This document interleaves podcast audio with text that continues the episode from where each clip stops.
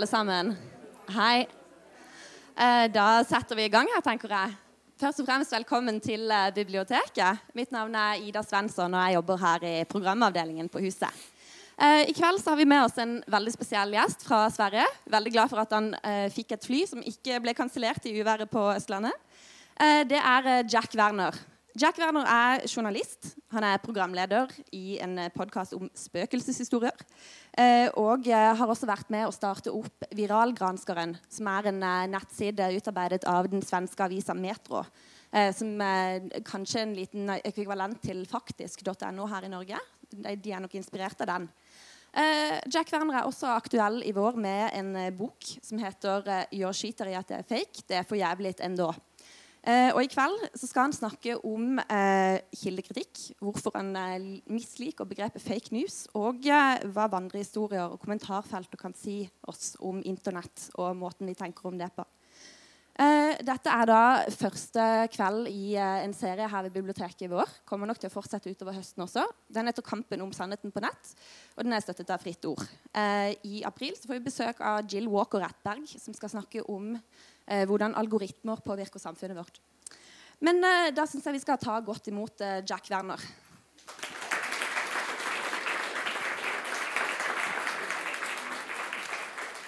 Tack så jättemycket. Hör ni mig bra allihopa? Bra, vad kul att ni har tagit er hit. Eh, jätte, jätteglad för det och jag är också glad att det fanns ett flyg som inte var inställt ifrån Oslo. Eh, det kom bud om att flyget skulle vara inställt från Oslo, nämligen upp till Bergen, alltså, eh, när jag hade satt mig på flyget från Stockholm till Oslo. Eh, och i några, jag tror kanske 60 eller 90 sekunder så hade jag valmöjligheten att hoppa av flyget som skulle åka till Oslo för att jag ändå tänkte att jag kommer inte kunna ta mig från Oslo till Bergen och då kommer jag ha en dålig dag. eh, och det vore en bättre dag om jag var stannade på Ar- Arlanda i så fall. Och eh, vi samarbetade väldigt bra under de 90 sekunderna eh, utav liksom panikslagna telefonsamtal och så visade det sig att vi kunde lösa ännu ett flyg. Och nu är jag här, jag kom för eh, exakt en timme sedan. Så ikväll ska jag äta middag, för det har jag inte riktigt gjort. Jag kommer alltså prata om källkritik eh, på sociala medier. Ehm, och jag kan börja lite grann med att bara göra en eh, ytterligare tillägg till den här presentationen som var ganska fullödig. Men om man ska säga någonting mer så kan man väl säga det att jag jobbar med i huvudsak två saker i min vardag. Det första är källkritik. Det andra är alltså spökhistorier. Jag brukar sällan kombinera dem. Eh, det brukar inte leda till så mycket bättre resultat. Spökhistorier ska inte inledas med en källkritisk genomgång. Eh, och källkritik vinner inte heller så värst mycket på att inledas med en spökhistoria. Men för mig finns det en gemensam nämnare som hjälper mig i båda sammanhangen. En grej som kopplar ihop spökhistorier med källkritik i den meningen i alla fall som vi oftast brukar prata om källkritik idag. För oftast när vi pratar om källkritik idag, då pratar vi om sociala medier och saker och ting som lurar oss att bli förbannade på sociala medier.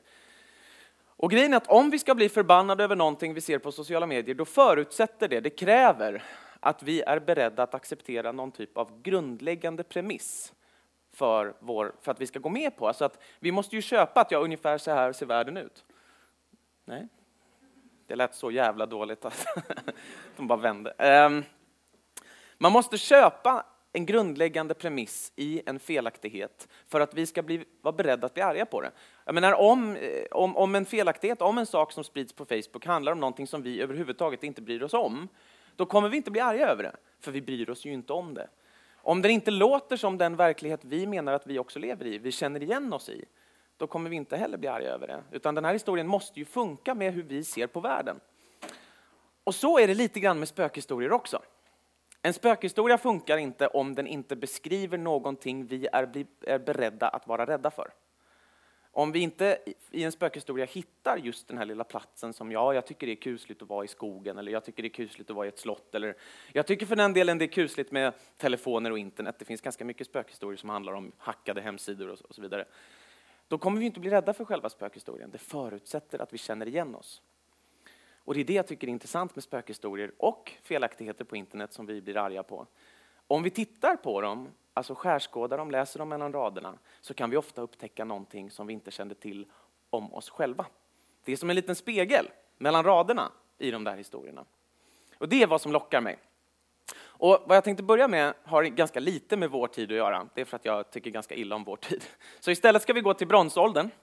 Eh, kanske inte en trevligare tid i och för sig, Eh, men en lite mera händelserik tid och en, framförallt en tid som vi inte vet så värst mycket om och det är alltid spännande.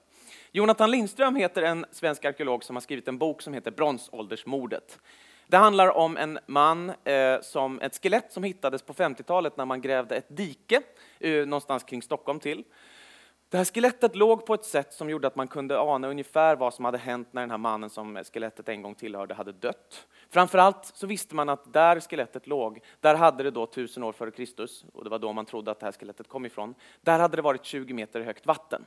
Så man visste att han hade på något sätt dött och sen sjunkit ner i vattnet. Detta var det man visste på 50-talet, sen visste man inte så värst mycket annat. Jonathan Lindström bestämde sig för att bita tag i det här skelettet och verkligen gå till botten med vad som hände när den här mannen dog. Han tog reda på först att ja, han kom i själva verket från 800-talet före Kristus. Eh, han tog reda på vad det var för typ av person. Han kunde titta i, i tänderna så kan man se vilken typ av isotoper som finns där. Och beroende på vilken typ av isotoper så vet vi när mannen har flyttat. För att isotoperna i tänderna kommer från den mat vi äter som ju naturligtvis 800 år före Kristus var lokalproducerad. Vilket betyder att han åt en sorts mat när han var 10, en annan sorts mat när han var 35 och en tredje sorts mat när han var ännu äldre. Vilket betyder att vi vet att det här skelettet har flyttat tre gånger i sitt liv. Den här boken är 700 eller 800 sidor lång. Eh, jag har inte riktigt tagit mig igenom hela än. Eh, men den är väldigt, väldigt bra och det kan jag bevisa genom att visa upp att jag faktiskt har med den, för någonting ska jag göra på hotellet ikväll. kväll. Eh, och då kan jag väl för all del läsa den här tjocka jäveln. Eh, så det är min plan, att jag ska ta mig igenom den här. Men det som har fångat mig i början, redan när jag liksom kom in i den här boken, är att det där är 800 sidor källkritik. Och det låter aldrig trist. Det är aldrig grått och dammigt och tråkigt. Det är spännande rakt igenom. Och det här är, tycker jag, det bästa man kan göra med källkritik. Han använder källkritik, Jonathan Lindström, för att försöka ta reda på en sån bred, stor, färgstark målning som man kan utav vem den här snubben var. Ett stycke som jag tycker särskilt mycket om i hans bok, det är när han försöker ta reda på hur den här gubben pratade. Språkforskning är svårt. Vad man måste göra är att man måste gå på hur vi pratar idag och sen så måste man extrahera från det och sen måste man jämföra med andra språk och sen till slut landar man i någon typ av idé om att ah, ungefär så här kan det ha låtit. Vad han kallar det är någon typ av proto-indo eller bron, hypotetisk bronsålders-indoeuropeiska, vilket alltså är någon sorts sammelsurium som ingen av oss riktigt hade förstått idag, men som vi ändå hade kommit ganska nära. Och då när han ska försöka beskriva hur kan den här mannen då ha låtit, vad han gör är att han går vidare, han går igenom ett antal sätt som vi historiskt sett har föreställt oss att man pratade 800 år före Kristus. Till exempel Röde Orm. I den så pratar ju folk väldigt högstämt. De talar som vore de på ett ting för sina likar. Och det tror ju inte Jonathan, jag menar, Jonathan Lindström accepterar ju att jag ungefär så, det är klart att det är lockande att föreställa sig att det var så någon pratade, men så pratade han troligen inte. Så han skriver här i den här boken, Jonathan Lindström, tänk om vi för en minut kunde avlyssna Granhammarsmannen, det är vad han kallar honom, Granhammarsmannen, när han under en hög blå himmel instruerade sin son i konsten att vårfeja en fiskekanot medan havsdyningarna frasande rullade in över strandgruset. Då sa han knappast, som det då står i Röda Orm, min son, nu tarvas det att du hjälper din far att reda båten. Troligen inte.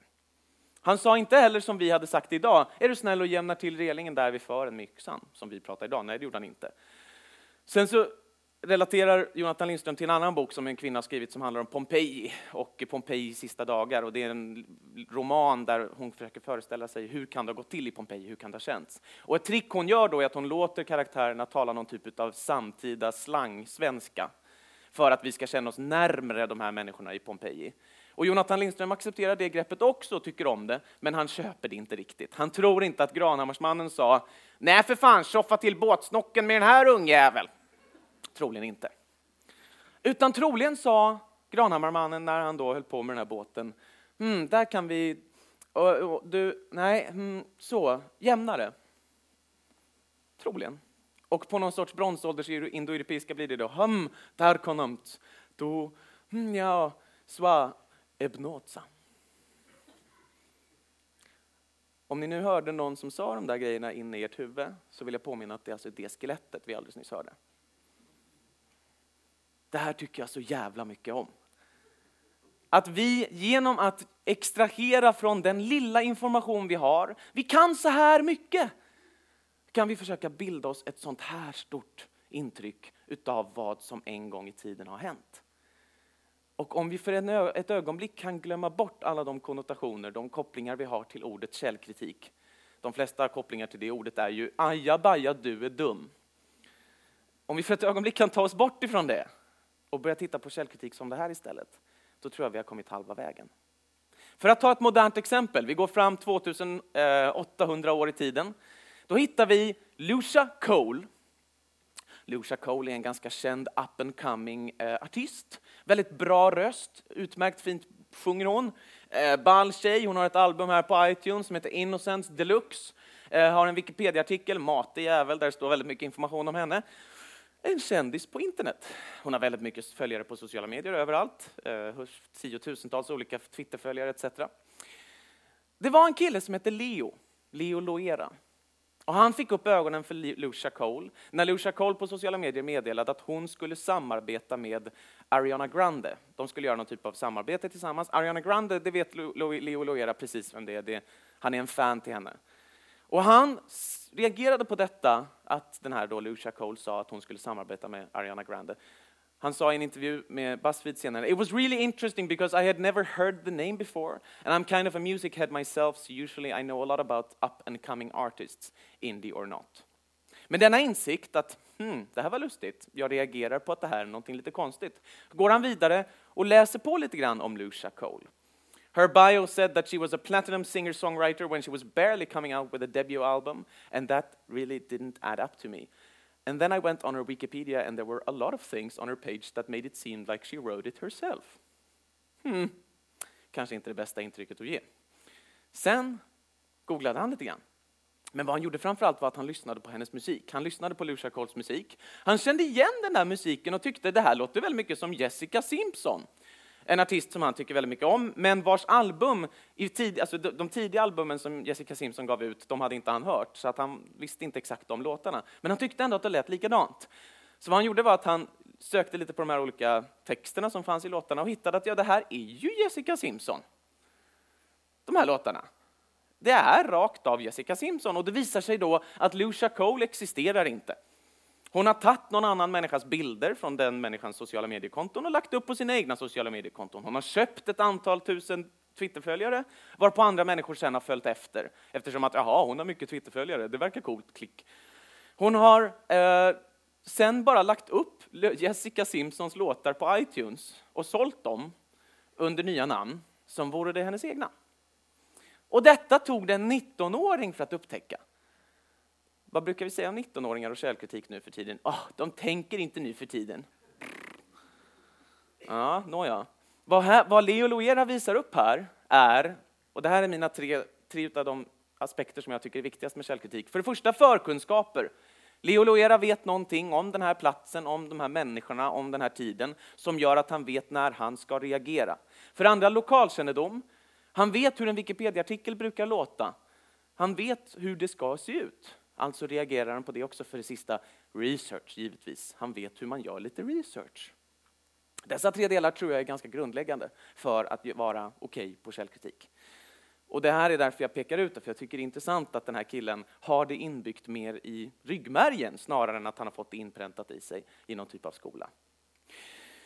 Så det är bara min lilla introduktion för att berätta om vad jag uppfattar som källkritik. Eh, så jag hoppas att ni ska känna igen er i det. Sen vill jag gå in lite grann på de problemen vi har idag.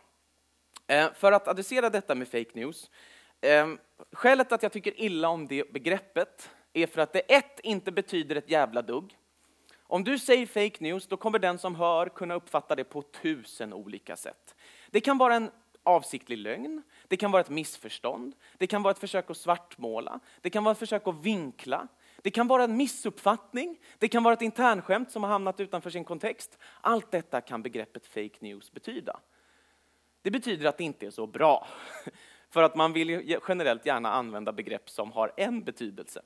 Annars så kommer man att bli missförstådd. För andra polariserar begreppet som sådant. Vad som händer när man använder det tror jag är att man får en automatisk politisk koppling eftersom att det ofta används för att anklaga medier för att vara dåliga utav Donald Trump. Och det betyder att om man använder det så kopplar man, tror jag, ganska direkt till Trump-användandet av begreppet fake news.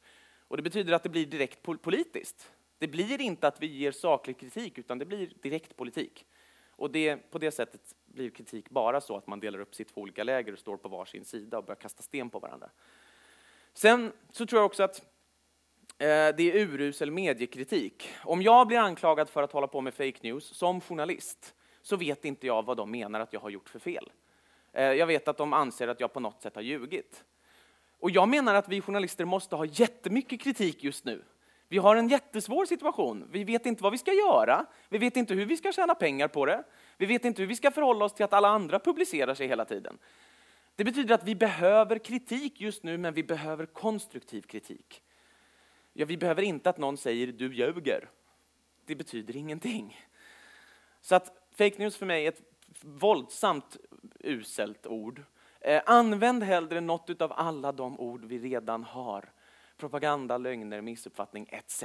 Det finns hundra ord som betyder vad vi egentligen pratar om, använd dem.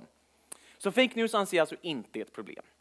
Vad jag däremot anser är ett problem är att vi inte riktigt har listat ut sociala medier, hur det funkar, vad det är och framförallt inte betydelsen när vi är privata på sociala medier, alltså när vi bara pratar med en eller två utvalda vänner och när vi är offentliga.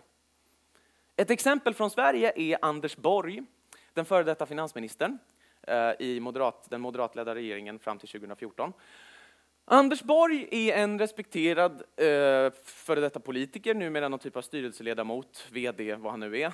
Eh, han var i höstas på en fest, eller sensommaren, så var han på en sommarfest. Han hade uppfattat det som en riktig jävla röjarskiva, att det skulle bli världens knakelibrak-party. Det hade inte de andra som kom dit uppfattat det som.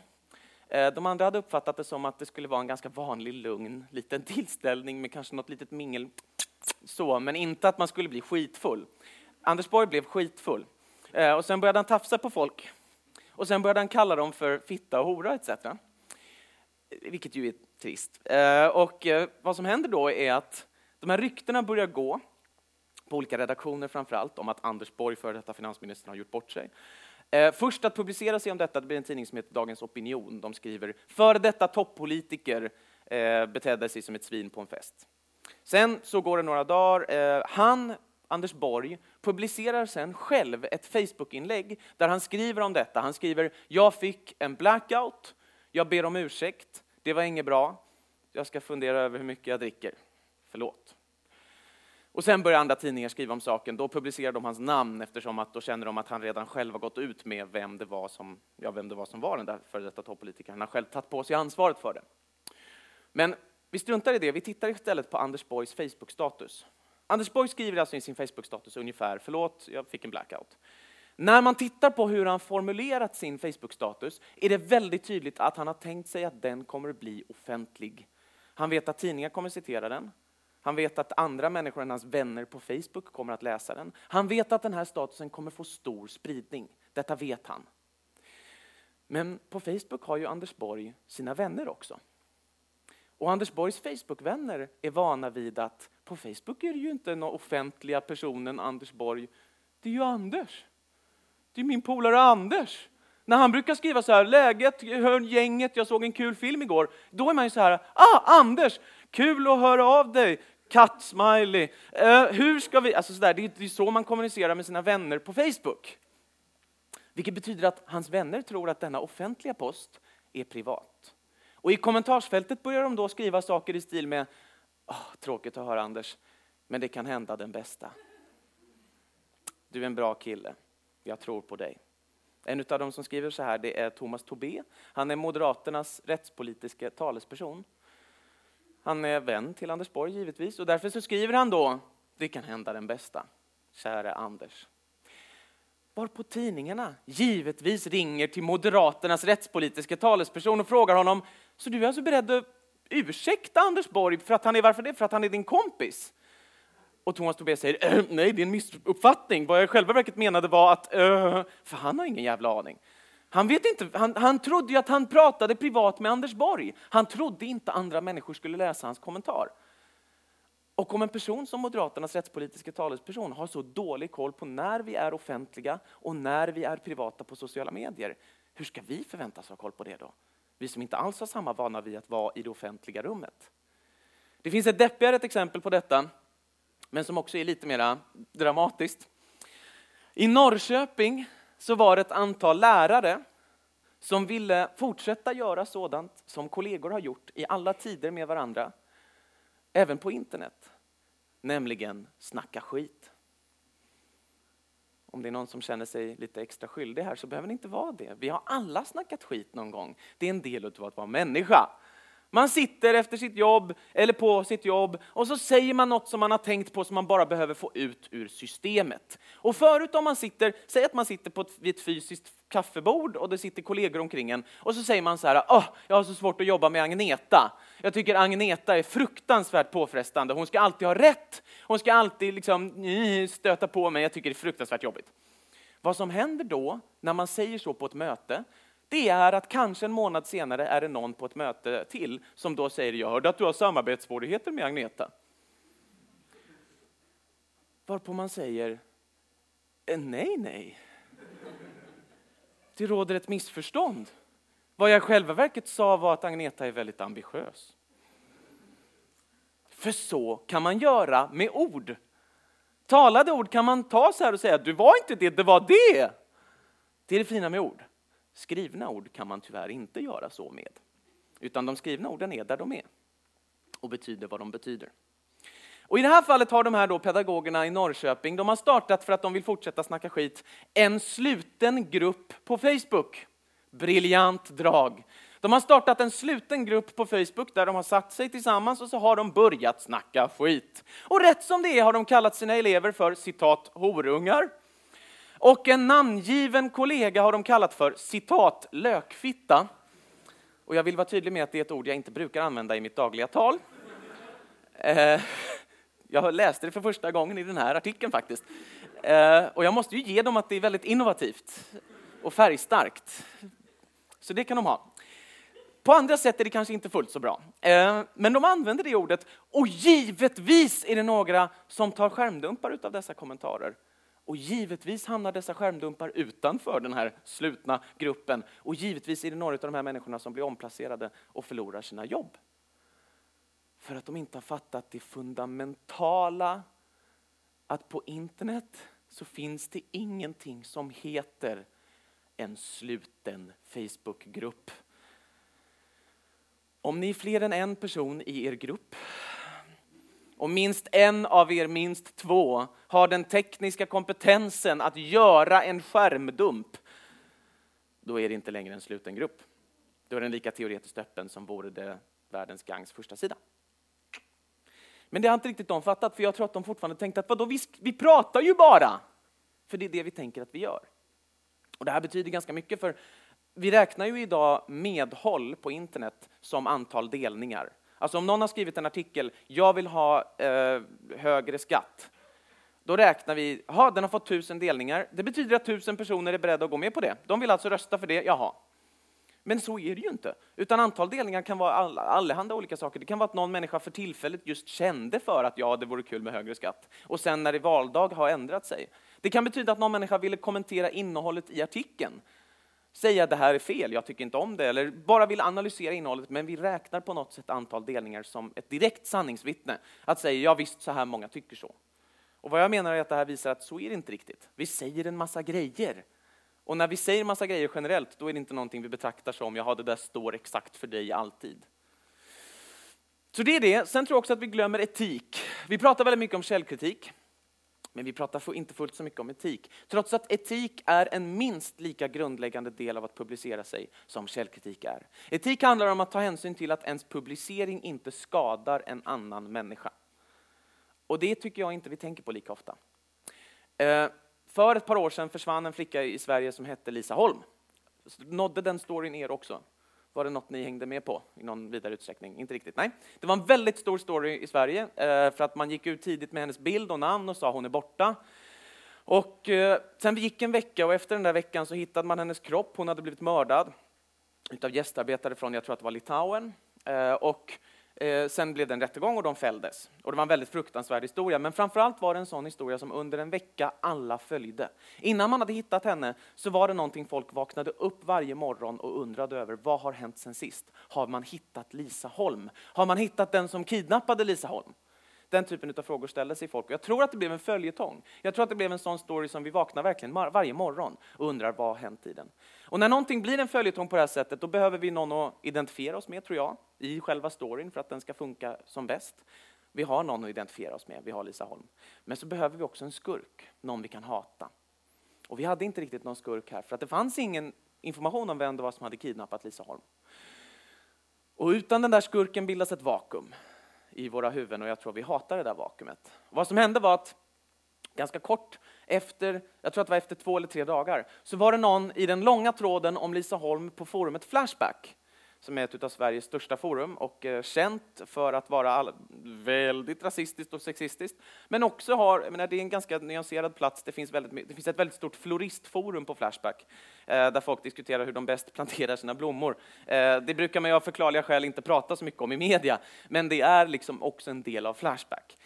Men på den här tråden om om Lisa Holm så hände det sig som så att, då att en person skrev ett inlägg där vederbörande skrev Jag tror jag vet vem det var som kidnappade Lisa Holm. Jag tror att det var en kille som vi här oss emellan, vi kan kalla honom för Niklas bara för att ha ett namn att gå till. Jag tror att det var Niklas. Niklas har tidigare rört sig kring det här fiket. Han har trakasserat tjejerna som jobbar där. Han verkar lite farlig och störd. Jag tror att det var Niklas. Från detta enskilda Flashback-inlägg, 24 timmar senare, skapades vad vi skulle kunna kalla en nationell uthängning av Niklas. Den här bilden är från Facebook, den har fått över 100 000 visningar bara på en plats där jag hittat den uppladdad. I bilden, så, i inlägget här, så har vi två stycken foton på Niklas.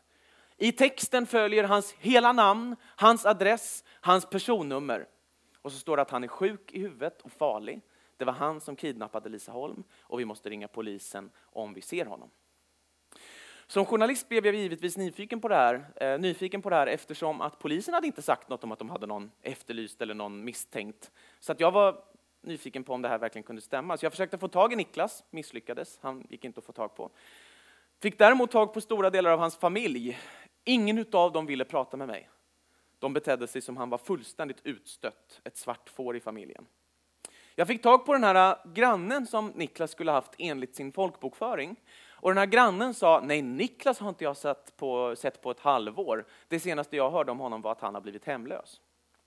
Sen kollade jag in den här Niklas på hans olika sociala medier och det var rätt tydligt att han inte mådde bra. Han höll på att skicka bilder på sitt kön till olika supermodeller med miljontals följare på sociala medier.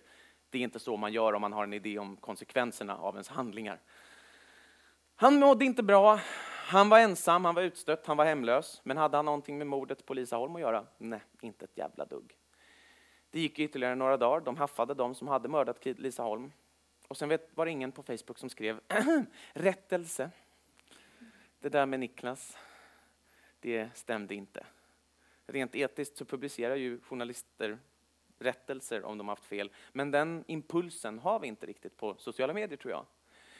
Och min tanke kring Niklas är att vi alltså har en kille som är utstött, hemlös, drogmissbrukare eller med psykisk ohälsa, ligger och sover på en, jag vet inte, i ett gathörn någonstans.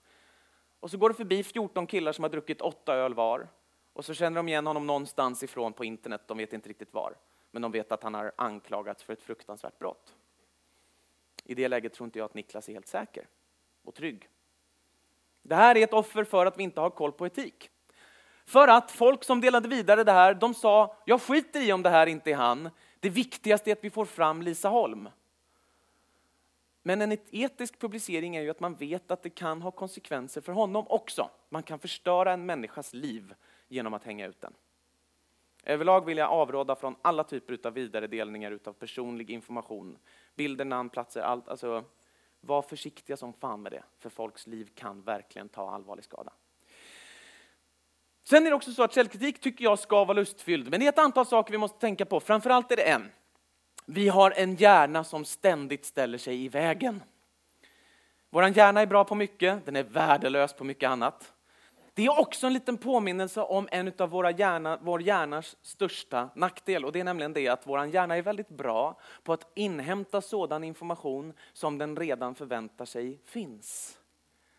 Eller sån information som den har blivit förberedd på att den ska behöva inhämta. Vår hjärna är tyvärr väldigt dålig på att inhämta information som går emot det vi tror är sant. Om vi sitter och har en politisk åsikt i tio år och vi sen får papper där det står den är fel. Då kommer hjärnan vara så här. Va? Nu går jag och köper glass. Det är vad hjärnan kommer göra. Det här kallas för bekräftelsejäv, eh, confirmation bias på engelska. Eh, tendensen i mänskligt beteende att omedvetet vara selektivt uppmärksam på sån information som bekräftar våra egna uppfattningar. Och den drabbar oss hela tiden. Den drabbar oss särskilt när vi sitter och försöker surfa i lugn och ro på internet. Och det här leder till allehanda olika situationer. Till exempel så gick det här citatet runt bland svenska journalister för ett och ett halvt år sedan ungefär. Ett citat som tillskrevs Donald Trump 1998. Han skulle då ha sagt att om jag någonsin kandiderar som president, då kommer jag göra det för Republikanerna, för de har de dummaste väljarna. De kommer tro allt jag säger. Det här kickade igång vad man skulle kunna kalla är, är det för bra för att vara sant? Testet hos mig. Det lät lite för bra för att vara sant. Jag googlade på Trump Republicans Dumb, ett inle- en, en googling som tar ja, typ fyra sekunder. Och jag kunde konstatera att citatet är rakt av påhittat, direkt plockat ur luften. Och sen är det någon som bara har kopplat det till Trump för det känns bra. Det känns som något Trump skulle säga. Och med denna information om att eh, ja, det här var alltså fake, så gick jag till de här svenska journalisterna som hade delat vidare det här citatet, kända journalister, stora journalister, och sa, hur kommer det sig att ni inte kollade det här? Varpå de svarade, ja, ja, han hade ju kunnat säga så. Mm. Det kändes så himla bra. De hade så himla rätt i vad de hade trott hela tiden, att Trump är sån här. Det visar sig också på lite andra sätt. Det här är ett exempel från Hörby i Skåne och det är fantastiskt. Vi vet två saker på riktigt är sant. Vi vet om, alltså vi, vi, det är sant om julgranen i Hörby julen 2016. Vi vet ett, att det stod en julgran på torget i Hörby. Det vet vi är sant. Det finns bilder på den, det finns vittnen. Vi vet att det stämmer. Vi vet två, att en dag när medborgarna i Hörby kom till torget så upptäckte de att någon under natten hade sågat ner julgranen. Vi vet att även detta är sant. Det finns bilder, det finns vittnen. Vad vi inte vet är vem som sågat ner julgranen på torget i Hörby, för det finns inte så mycket övervakningskameror kring det torget. Och det finns inte en lång rad med vittnen som var beredda att komma fram och säga jag såg vem det var. Vi kommer tyvärr dö innan vi får veta vem det var som sågade ner julgranen på torget i Hörby. Detta är information vi inte har. Men på internet finns det ganska mycket människor som redan vet att muslimerna bedriver ett heligt krig mot allt som är svenskt och allt som är kristet. Och om man har den världsbilden att muslimerna bedriver detta heliga krig, ja då är det ju bara en tidsfråga tills en muslim inom samma stad som en julgran. Ja, det förutsätter att muslimen får en såg, men då, då är granens dagar körda. Då är, det, då är granen då är fixat, liksom. då är det done for. Och det betyder att de här människorna på internet skriver att ja, det här är givetvis muslimerna, det är muslimpajasar som inte vill fira svensk jul. Låt våra traditioner vara dessa apor inte acceptera någon annan religion än deras egen, etc. etc. Det enda de har är att granen i Hörby sågades ner. Det är det enda vi vet. Men för att det passade in som bevis på att det de hade tyckt hela tiden var sant, så använde de det. Det, är lite, det lite roliga med det här är att alla de här människorna verkar också ha fått en typ av selektiv minnesförlust. Eh, det finns en grej just när det kommer till julprydnader på torg i Sverige. Eh, det finns en bock i Gävle eh, som är byggd av halm. Varje jul eldas den upp, det är grejen. av folk som går dit på natten och sätter eld på den. Och detta har varit så i 40 års tid. Typ. Eh, och det roliga är att de här människorna beter sig som att det är fullständigt nytt att någon i Sverige ger sig på en julprydnad på ett torg. Aldrig hört talas om det förut. när det liksom är en svensk folksport att ge sig på julgrejer på torg.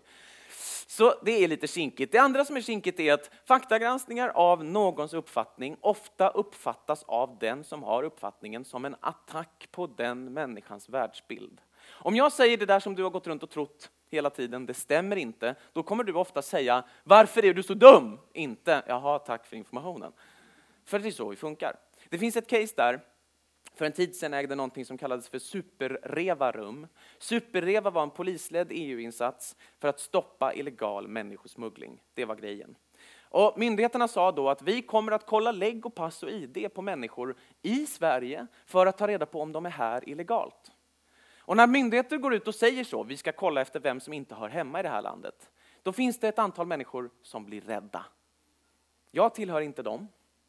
Det är ingen som skulle gå fram till mig på gatan i Stockholm och säga att du ser inte ut att vara svensk.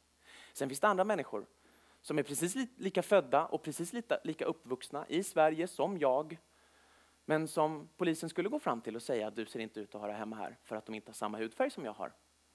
Och de människorna blev rädda för att nu kommer jag återigen bli profilerad som icke hemmahörande i Sverige och det är inget kul. Och den här rädslan är en bra grogrund för rykten. Och vad som händer är att några dagar in på den här veckan då Super-Eva äger rum så går det ett rykte i Stockholm om att polisen och Stockholms lokaltrafik tillsammans har stoppat ett tunnelbanetåg. Man har tagit ut alla passagerarna ur tunnelbanetåget och så har polisen delat upp passagerarna efter hudfärg. Man har ställt de vita här och de icke-vita där. Och så har man kollat, sagt till alla, till alla de vita, nu får ni gå hem, ha en bra dag. Och sen har man kollat läggpass och ID på alla de icke-vita. Och det här ryktet får stor spridning och gör folk förbannade. För att så här kan det inte gå till. Man kan inte kolla lägg på mig bara för att jag inte är vit. Vi på Metro fattar ju att det här är en, för det här var när jag jobbade på Metro, vi fattar ju att det är en knakelig braknyhet om det är sant. Så vi börjar kolla upp det efter bästa förmåga. Vi ringer runt bland SL, alltså Stockholms lokaltrafik och polisen. De har ingen aning vad vi pratar om. Vi försöker hitta förstahandsvittnen. Vi hittar inga förstahandsvittnen. Vi letar efter fucking bilder för kan ni föreställa er att om detta skulle ha hänt på en perrong, att polisen var så här, du ställ dig där och du ställ dig där, hade någon tagit en bild på det med sin smartphone? Rimligen ja. Men det fanns inga sådana bilder. Och det slutade att vi skriver falska rykten sprids som supereva. Varpå, varpå människor som hade trott på det här ryktet, trott att det var sant, hörde av sig till oss och var skitförbannade på oss. För att de uppfattade den här granskningen som att vi sa till dem ännu en gång att vi inte tror på era erfarenheter. Vi tror inte på när ni säger att ni märker negativa konsekvenser av att vara icke-vita i Sverige. De uppfattade det som att vi sa vi, vi, vi, vi godkänner inte det som ni säger att ni har varit med om. Vi tror inte på er. Och Det här är det som händer ofta när man faktagranskar någon. Man faktagranskar människans världsbild. Och det säger vi nej tack för. Och det är en kinkighet med faktagranskning. Det här är, liksom, det här är lite ny forskning, eh, jag ska gå igenom den ganska snabbt. Och det är just detta att vi för det första dömer våra politiska motståndare efter deras värsta exempel, oss själva efter vår bästa vilja. Om någon på andra laget har gjort något dumt, då står det för alla dem. Men om någon på mitt lag har gjort något dumt, då har ju jag ändå velat väl. Så varför är du så hård mot mig? Vi uppfattar också faktagranskningar av vår egen sida som partiska, inte av den andra sidan. Men om någon faktagranskar oss, då är det jävla vänstermedia eller högermedia, beroende på var man står. Sen är det så att en majoritet av oss vill att journalistiken ska faktagranska, även sådant som står på internet. En majoritet vill att faktiskt.no ska fortsätta göra det de gör. Och sen är det också så att om man tittar på hur man gör faktagranskning, så finns det tre modeller i huvudsak. Den första är att man säger politiker X säger en sak, Politiker Y håller inte med, alltså att man sätter ord mot ord. Och att man som journalist inte går in och tar ställning till huruvida det är sant eller falskt. Det är en modell. En annan modell är att man säger politiker X säger en sak, men institution Y säger emot. Institution Y har forskat i detta och säger det stämmer inte. Det vill säga att man outsourcar faktagranskningen till en andra part. Sen finns det en tredje modell och det är den att man säger politiker X har sagt en sak och våra efterforskningar visar att det inte stämmer. Det är den tredje modellen.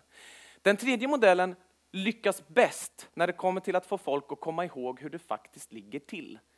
Om man läser en sån artikel då kommer man vara bättre på att sen komma ihåg att ja, men det är väl ungefär så här det är i sakfrågan. Men den tredje metoden är också den som får människor att tycka att man är som mest partisk. För man tar ju ställning. Och där måste man välja tror jag, ska vi vara rädda för att uppfattas som partiska? Eller ska vi vara rädda för att folk inte vet hur det är?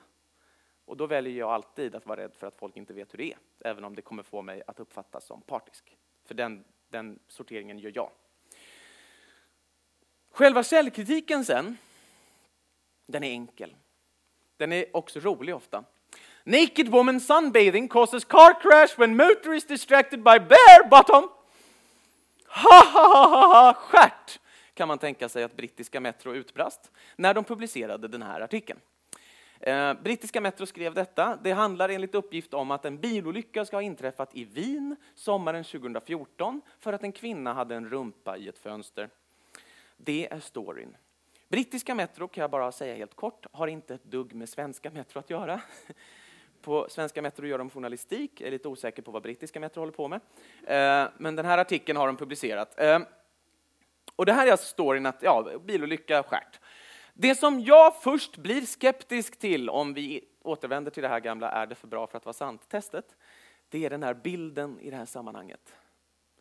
För det jag undrar är, om det alltså är så att det har ägt rum en bilolycka på stan, krasch, skrik, panik, det kommer dit poliser, ambulans, journalister med fotografer.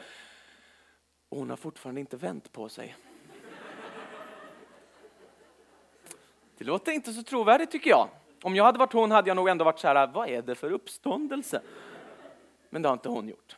Det kanske är så viktigt att hennes lår blir bruna, jag vet inte. Men den, den prioriteringen gör inte jag.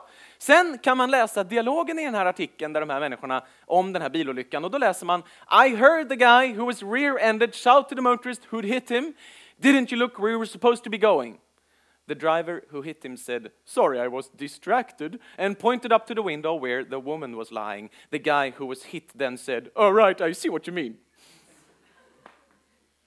Vi återgår till det där sannolikhetstestet då. Du har precis varit med om en bilolycka, du har kravlat ut ur ditt vrak, ditt rykande vrak med livet i behåll och du talar som om du vore en gin och tonic bort från att bli James Bond. Det låter i mitt huvud inte sannolikt. Så efter att man har insett detta, att det här låter inte sannolikt, då kan man gå vidare till Google. På Google, som ni kanske redan vet, kan man gå in och skriva in exempelvis Cute Kitten och sen får man upp bilder på söta katter. Om det är nytt för någon så är det en trevlig sysselsättning till ikväll. Vad man också kan göra på Google är att man kan trycka, om man går in på Google bilder, på den här lilla kameraikonen som dyker upp i sökfältet och då dyker upp en liten grej där man kan lägga in en bild man själv har hittat. En bild man kanske till exempel har hittat på internet. Och om man gör det kommer Google berätta för er var den här bilden finns publicerad någon annanstans. Och när den finns publicerad någon annanstans. Och om man gör det med den här stjärtbilden då, vad hittar man då? Jo, då hittar man att i december 2011 publicerades den på en italiensk blogg. I april 2012 publicerades den på Reddit under titeln Meanwhile in Estonia. Vilket är tråkigt för Estland, att det är de som baktalas då. Och sen, oh, förlåt, baktalas. Alltså. ja, den kanske bara funkar på svensk publik, men ja, eh, synd att gå miste om den ändå. Ehm, sen sist men inte minst den svenska sajten Humorbladet i februari 2014. Hände detta i Wien sommaren 2014? Mm, troligen inte. Sen kan man gå vidare och googla på namn och här är det en liten lustig grej jag bara vill kommentera på. Det är att min erfarenhet är att när människor konstruerar bluffar på internet som de aktivt försöker lura oss med så hemfaller de alltid till att använda så ovanliga namn i sina påhittade historier. Och det är jättekonstigt, för att ett ovanligt namn är det så lätt för mig att googla på och konstatera att människan inte finns. Jag spräckt, alltså viralgranskaren började med att jag spräckte en story som handlade om en som påstods heta Marcia Karlsson, som skulle ha mördats av invandrare. Och hon fanns inte. Marcia Karlsson, hade hon hetat Anna Larsson? Mycket svårare för mig att googla på. Svenska Dagbladet skrev för en tid sedan att hunden Attilas grav hade hittats för att en arkeolog som hette Albrecht Rümpfstein hade sagt så. Mycket lätt att googla på honom och konstatera att han inte finns. Sist men inte minst i denna märkliga trilogi, Gregory Shakaki. Eh, inblandad i den hemska stjärtbilolyckan i Wien sommaren 2014 finns ingen annanstans än i just den här artikeln. Nej, naken solbadande kvinna orsakade ingen bilolycka i Wien. Om jag nu hade varit lagd åt det bittra hållet, vilket jag inte på något sätt är, då är det möjligt att jag hade kommenterat på det faktum att när sajten Nyheter 24 skrev att detta hade hänt, den här bilolyckan, att den hade ägt rum, då fick de 35 000 sociala medier-reaktioner. Och när jag gjorde min faktagranskning där jag kom fram till att det inte var sant, fick jag 187. Det är möjligt att jag hade sagt något om detta om jag hade varit alls bitter, men det är ju naturligtvis inte där jag är bitter. Vad jag försöker säga är att research på nätet är att improvisera. Det är att söka på allt ni hittar. Det är att improvisera på nyckelord. Vad kan dyka upp i sammanhanget? Det är att aldrig nöja er med den första resultatsidan av Google. Det är bara losers som nöjer sig med sida 1 av Googles sökresultat. Jag vill att ni ska vidare till minst sida 10. Det är där häftiga grejer börjar hända. I alla fall är det där man känner att livet börjar flyga iväg. Eh, leta sig tillbaka givetvis till ursprungspubliceringar. Använd alla verktyg som finns, jag kommer gå in på några av dem sen. Och läs kommentarsfälten.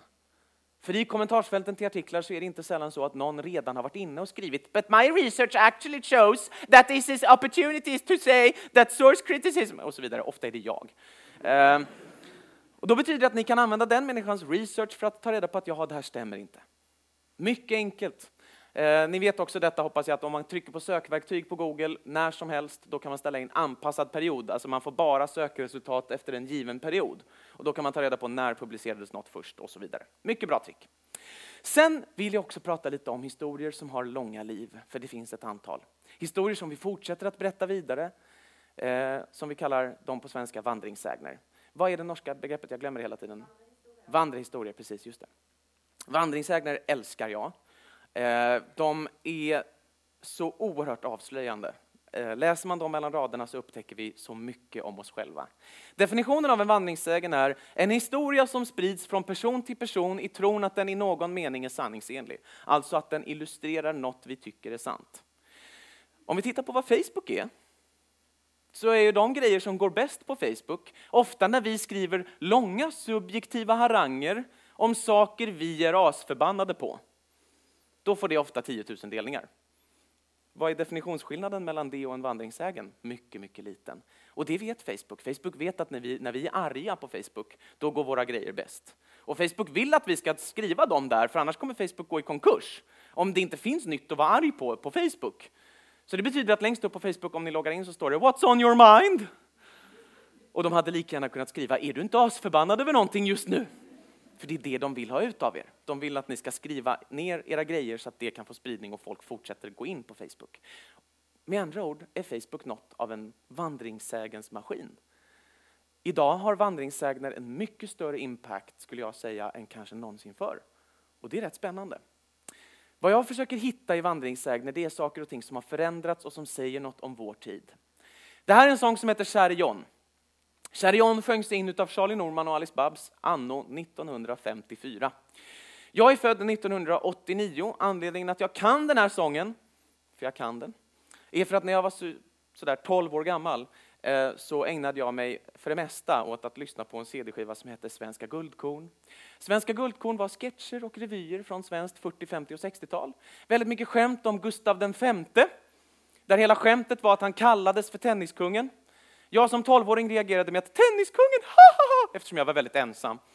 Eh, och när man liksom inte har så mycket vänner att gå till, då får man ta vad som erbjuds. Och i det här fallet var det svenska guldkorn som jag satt hemma och lyssnade på.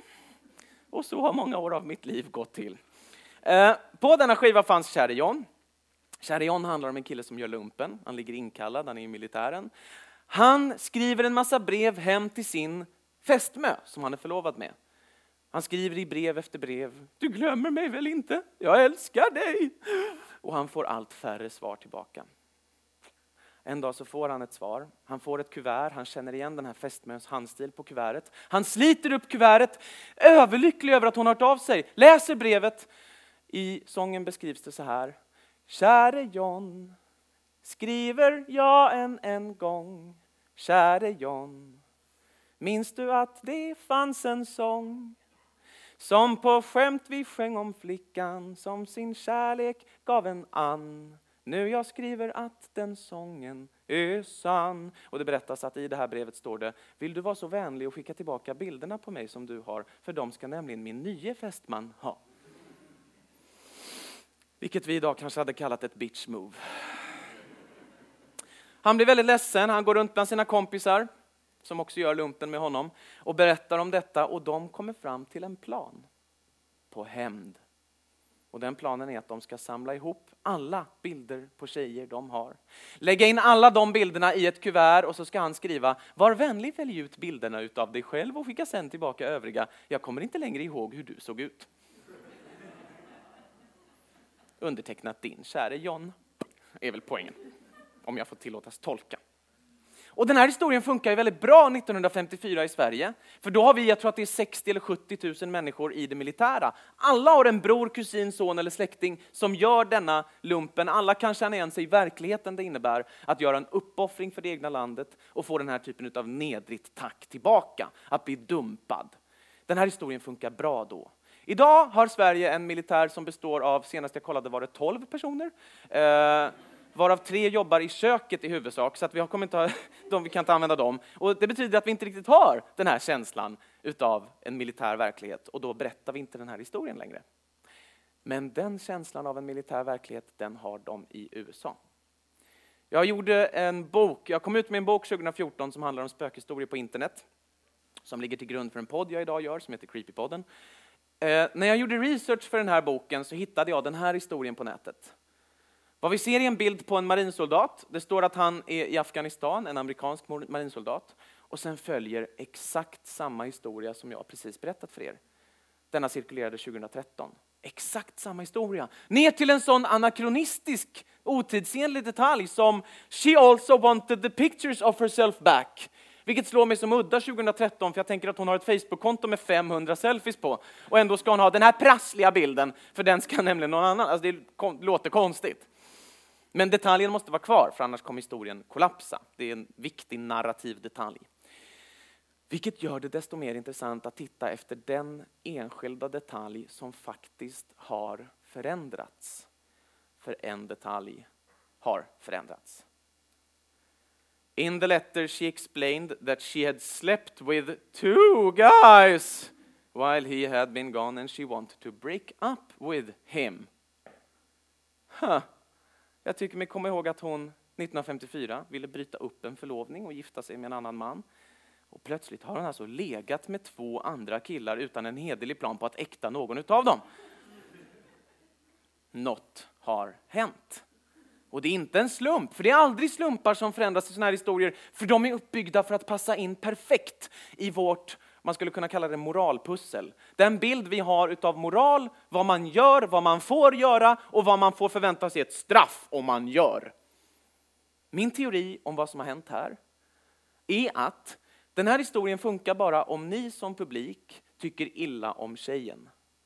För att annars funkar inte hämndgrejen på slutet. Alltså är det mitt jobb som historieberättare att få er som publik att tycka illa om tjejen. Och ett trick som historieberättare har använt sig av i tusentals år för att få en publik att tycka illa om en tjej är att framställa henne som en slampa. Är det, är det betyder det vad, vad det ska göra på norska? Ja, bra. eh, om jag framställer henne som en slampa, då kommer publiken vara lite mer benägen att säga jaha, var hon lösaktig? Ja, nå då så. Om hon ligger runt, då behöver jag inte veta mer om henne, utan då går vi vidare till nästa karaktär. 1954, om jag ville utmåla en tjej som en slampa, då räckte det väldigt långt att säga att hon hade brutit upp en förlovning och skulle gifta sig med en annan kille. Publiken sa då det var det horigaste jag hört sedan jag konfirmerade mig. Vansinne att man får göra så. Idag när vi gifter oss på tisdagar och skiljer oss på torsdagar, när äktenskapet inte spelar lika stor roll, då måste jag berätta att hon har legat med två andra killar utan att vilja gifta sig med någon av dem. Och rätt som det är, mellan raderna i två historier med 60 år emellan, har vi hittat vad vi skulle kunna kalla för ett slampindex. En liten graf som visar utvecklingen i, den, i samhällets kvinnosyn. Hur vi ser på kvinnors sexualitet, vad vi tillåter, vad samhället tycker är okej. Vad samhället tyckte var okej då och vad samhället tycker är okej nu. Det här tycker jag om med de här historierna, att vi upptäcker det. Det här syns på många andra sätt. Eh, för ett par år sedan, det är alltså hösten 2015, så gick det runt ett sms i Göteborg. Det var ungdomar som skickade runt sms bland varandra. Sen hamnade det på Facebook och fick ganska mycket spridning där också. I det här smset så stod det så här. Min släkting, stod det, jobbar inom kriminalvården. In till kriminalvården plockade de nyligen en IS-medlem. Den här IS-medlemmen eh, skulle förhöras i ett par dagar och sen skulle han utvisas. Förhören pågick. Efter att det var klart och han skulle utvisas så sa han stopp! Innan ni utvisar mig vill jag byta ett par ord med den här släktingen till den här sms-författaren. Så IS-medlemmen och den här släktingen de sätter sig i ett rum och så säger IS-medlemmen du har varit snäll mot mig de här dagarna så jag vill ge dig en liten varning. Var inte i Göteborg kring jul och nyår. Så, nu kan ni utvisa mig. Så flög han iväg. Och det här gick väldigt bra i Göteborg 2015. För vi hade precis haft Parisattentaten och alla visste att terrorismen är där och den kanske är på väg hit.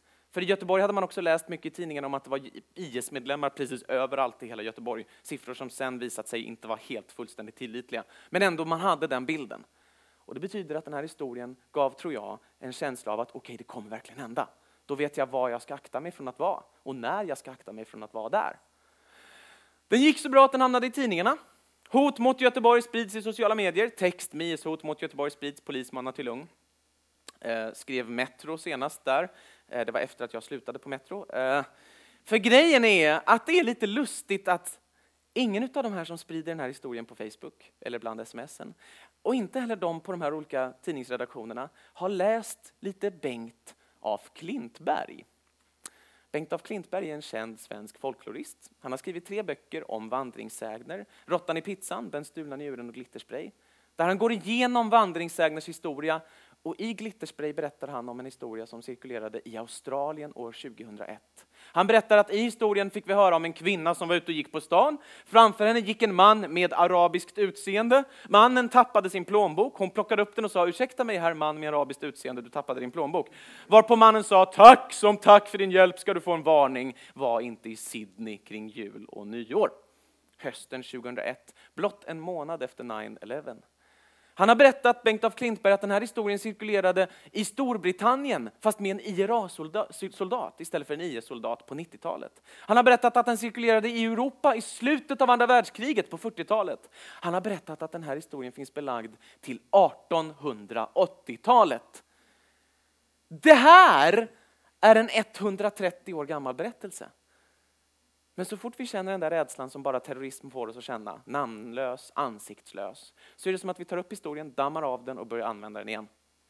För att den ger oss möjlighet, tror jag, att säga jag är lite rädd utan att behöva säga det rakt ut.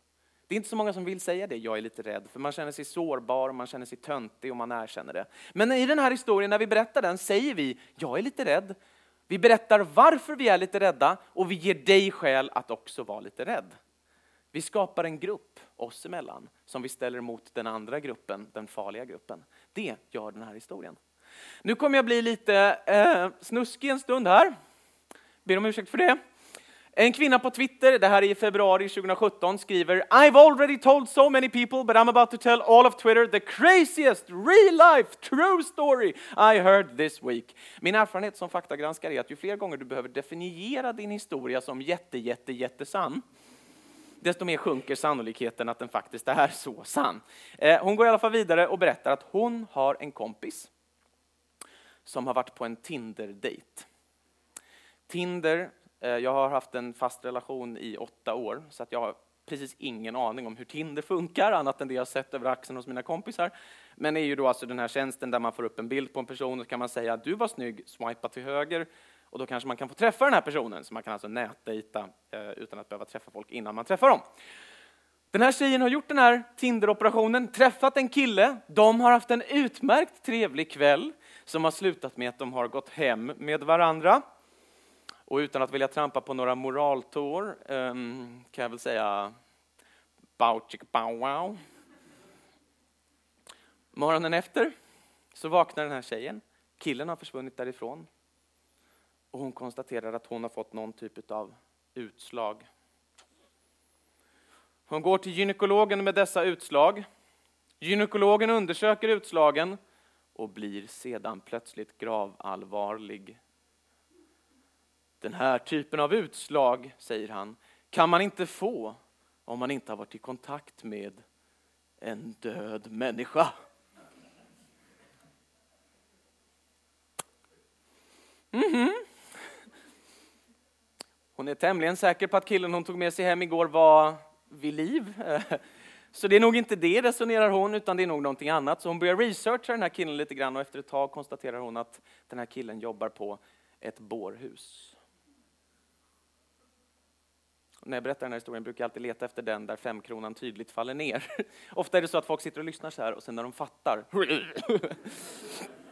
Men om det är så att den inte ramlar ner helt och hållet så vad som har hänt är att hon alltså har blivit buksvåger med ett lik. För killen inte bara jobbade på bårhuset. Gör jag mig förstådd?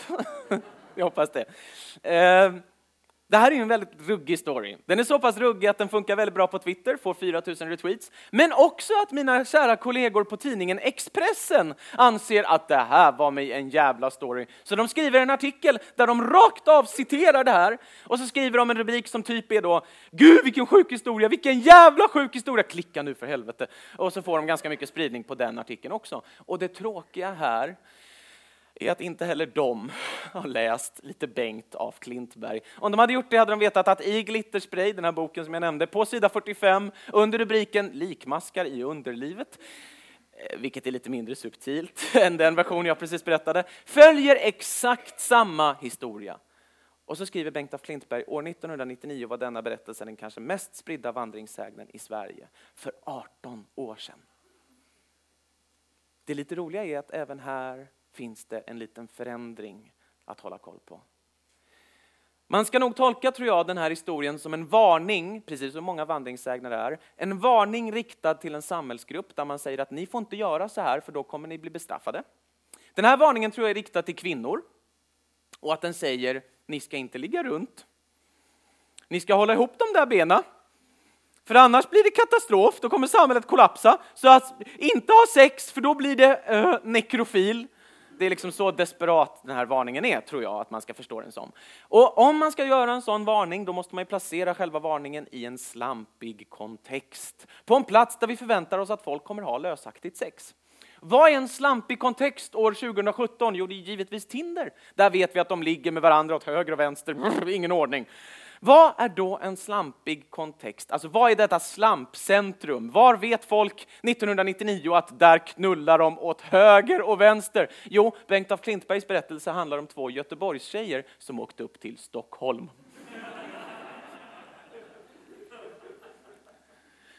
Eh, så som varande född och uppvuxen i Stockholm så vet jag att det inte är riktigt fullt så det går till där, men, men jag uppskattar att de har denna rock'n'roll-bild av av livet i huvudstaden. Några sajter att kolla in. Det här är bara för att jag vill att ni ska gå härifrån med lite verktyg också. Citizenevidence.amnestyusa.org. Vad man gör här är att man går in och så lägger man in en, ett Youtube-klipp och sen när man trycker på Go så får man upp Youtube-klippets thumbnails, alltså visningsbilder som det ser ut när det presenteras på nätet. Och där kan man sen göra den här typen av omvända bildgooglingar som jag alldeles nyss beskrev. Och det betyder att man kan ta reda på huruvida det här klippet har varit uppladdat förut och i så fall under vilken beskrivning det varit uppladdat förut. Använder man detta kan man ta reda på varifrån kommer det här klippet på riktigt. Väldigt bra. Stalkscan.com en sida som har som text längst ner att det står att den här sidan ska man inte använda för att ståka. De behöver jobba på sitt varumärke. Eh, vad man gör där är att man lägger in ett Facebook-konto och sen när man har lagt in det här Facebook-kontot så trycker man på sök och sen kan man använda ett annat eh, gränssnitt för att använda Facebooks alla sökfunktioner. För det finns nämligen väldigt mycket sökfunktioner på Facebook, men de presenteras inte så bra på själva Facebook. Med den här söktjänsten kan ni använda allt detta på ett väldigt enkelt och praktiskt sätt. Bra sätt att ta reda på till exempel om det är så att ett eh, Facebook-konto har gjort någon sorts, bedrivit någon sorts opinionsbildning länge, så man alltså kan veta att aha, det är fejk” eller det har bedriver den här tanken. Web.archive.org, det känner ni, många av er säkert redan till, jättebra sajt. Vad man gör där är att man går in och sen kan man lägga in en länk, sen kan man titta på hur den där länken sett ut genom olika delar av historien. Så här har jag lagt in aftonbladet.se och då har WebArchive tagit en massa skärmdumpar av aftonbladet.se ända tillbaka till 1996 som jag alltså kan kolla för att se vad har funnits på den här hemsidan förut. Bra om man vill veta vad som har funnits på en hemsida förut. Tineye.com, det är som bild-Google, uh, Google Bilder, alltså med motsatt bildgoogling, fast det är lite presenterat annorlunda och ger er också möjligheten att sortera bilderna i en bättre ordning, till exempel efter när den första publicerades. Väldigt praktiskt. Ja, ja, så här kan man ju fortsätta och eh, om ni nu vill ta era bilder så rekommenderar jag att ni tar dem nu på alla de här olika sajterna. Um, Poängen är att jag inte vill ge er bara en massa sajter att gå hem med. För poängen är att de här kommer att förändras. Alltså sådana här sajter är inte permanenta. Utan de här kommer att sluta funka en dag och en annan dag så kommer de kanske funka annorlunda. Improvisera. Lås er inte till de här sajterna utan leta alltid efter sajter som gör det här som ni vill att de ska göra. Så, men det här är bara just nu det man kan använda. För att sammanfatta allt jag sagt ikväll och samtidigt avsluta min långa jävla harang så vill jag berätta om Alva, nio, som hade ett iPhone-skal med svenska flaggan på i skolan och fick kvarsittning. Den här historien handlar om Alva, nio år gammal, som kom in till skolan en dag, hade med sig sin telefon, hon hade gjort alla sina läxor, hon hade A i alla sina betyg, hon var omtyckt, populär och uppskattad. Hon kom in med sin telefon och på skalet hade hon en svensk flagga. Rektorn skrek Alva, rasist! Du vet väl att man inte får använda svenska flaggan i Sverige längre för då blir man betraktad som rasist. Det har PK-extremisterna nämligen bestämt. Alva sa, men kära rektorn, jag är bara en sann patriot, vad är det frågan om? Och rektorn sa, bah, humbug, kvarsittning. Alva fick kvarsittning. Den här storyn gick jättebra bland människor som tycker att så här är det, man får inte använda svenska flaggan längre, då blir man kallad rasist. De hade kunnat om de ville titta ut genom sitt fucking fönster och se en miljon svenska flaggor. Jag lovar att det kryllar av svenska flaggor i Sverige. Men de här människorna har den här bilden. Den här historien dyker upp i en Facebookgrupp som heter Stoppa maktmissbruket det är ett jävla härke. Och i den där gruppen så börjar de diskutera den här storyn. Några av dem är faktiskt lite kritiska mot den. Säger nej, det här är påhittat, det är fejk, det kommer från en fejkkälla. De kommer från ursprungligen en källa, säger de. Vad de hade kunnat påpeka är att källan här nere som står här är alltså citat riktigtsjukt.se. Man kan börja där om man gör en källkritisk genomgång av detta, men vad vet jag? Efter allt detta dyker upp en man som vi kan kalla för Stig och Stig skriver citat. Jag skiter i att det är fejk. Det är för jävligt ändå.